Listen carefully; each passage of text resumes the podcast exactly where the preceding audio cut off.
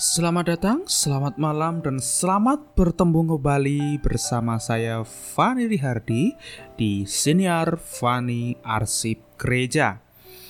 Sudah lama saya tidak mengisi atau membuat konten tentang renungan malam, dan kembali pada malam hari ini saya akan mencoba untuk kembali mengajak Bapak, Ibu, dan saudaraku yang terkasih di dalam nama Tuhan Yesus Kristus untuk kita bersama-sama kembali mengakhiri hari ini dengan kita bersama-sama membaca dan merenungkan firman Tuhan.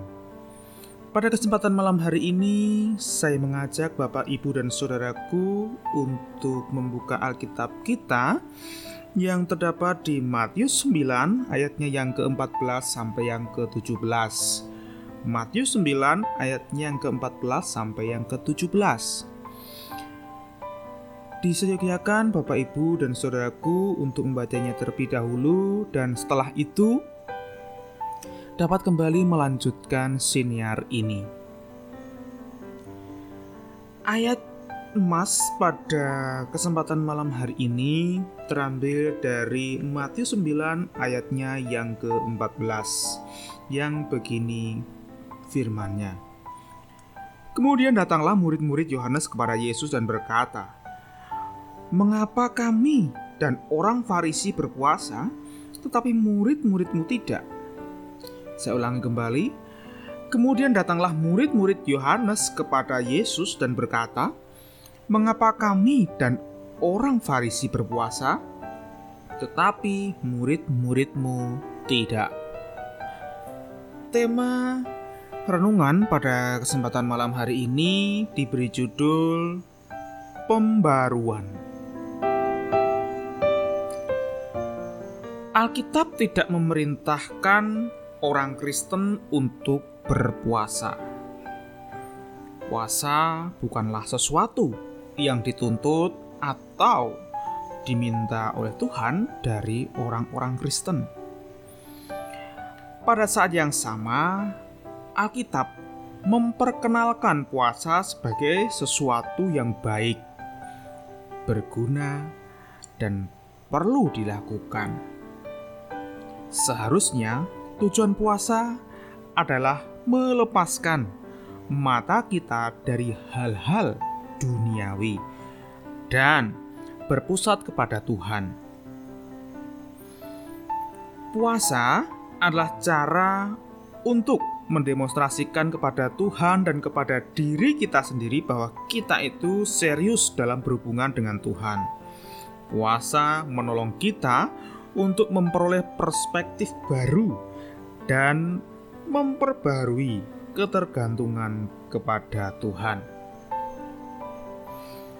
Sekalipun di dalam Alkitab puasa selalu berhubungan dengan tidak makan, ada cara-cara lain untuk berpuasa perikop bacaan malam ini menunjukkan bahwa murid-murid Yohanes pernah menyampaikan pertanyaan kepada Yesus sehubungan dengan murid-murid Yesus yang tidak berpuasa.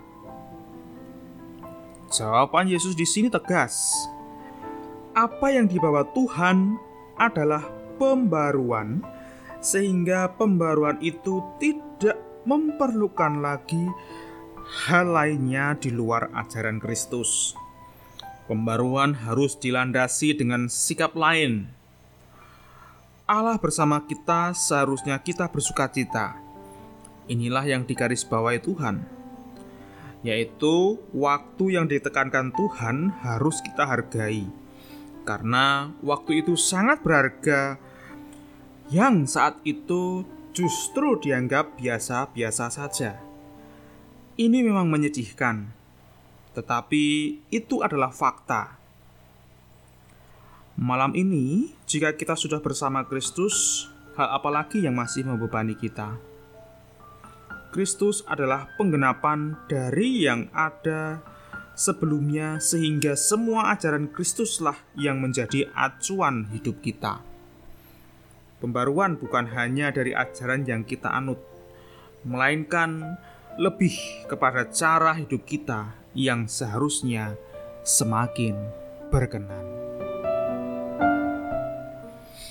Demikianlah renungan malam yang dapat saya sampaikan pada kesempatan malam hari ini. Dan untuk mengakhiri renungan malam pada kesempatan malam hari ini, mari kita berdoa. Terima kasih Tuhan untuk setiap berkat dan penyertaan-Mu hingga sampai saat ini, terkhusus hingga sampai malam hari ini. Dan juga pada kesempatan malam hari ini, Engkau juga telah berkenan memberikan pengajaran bagi kami tentang hal berpuasa.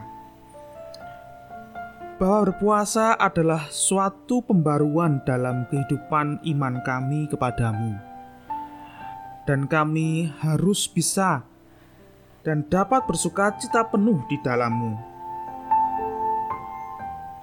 Bapa mari ajari kami untuk senantiasa dapat bersuka cita di dalammu dalam segala hal dan juga dalam keadaan apa pun juga.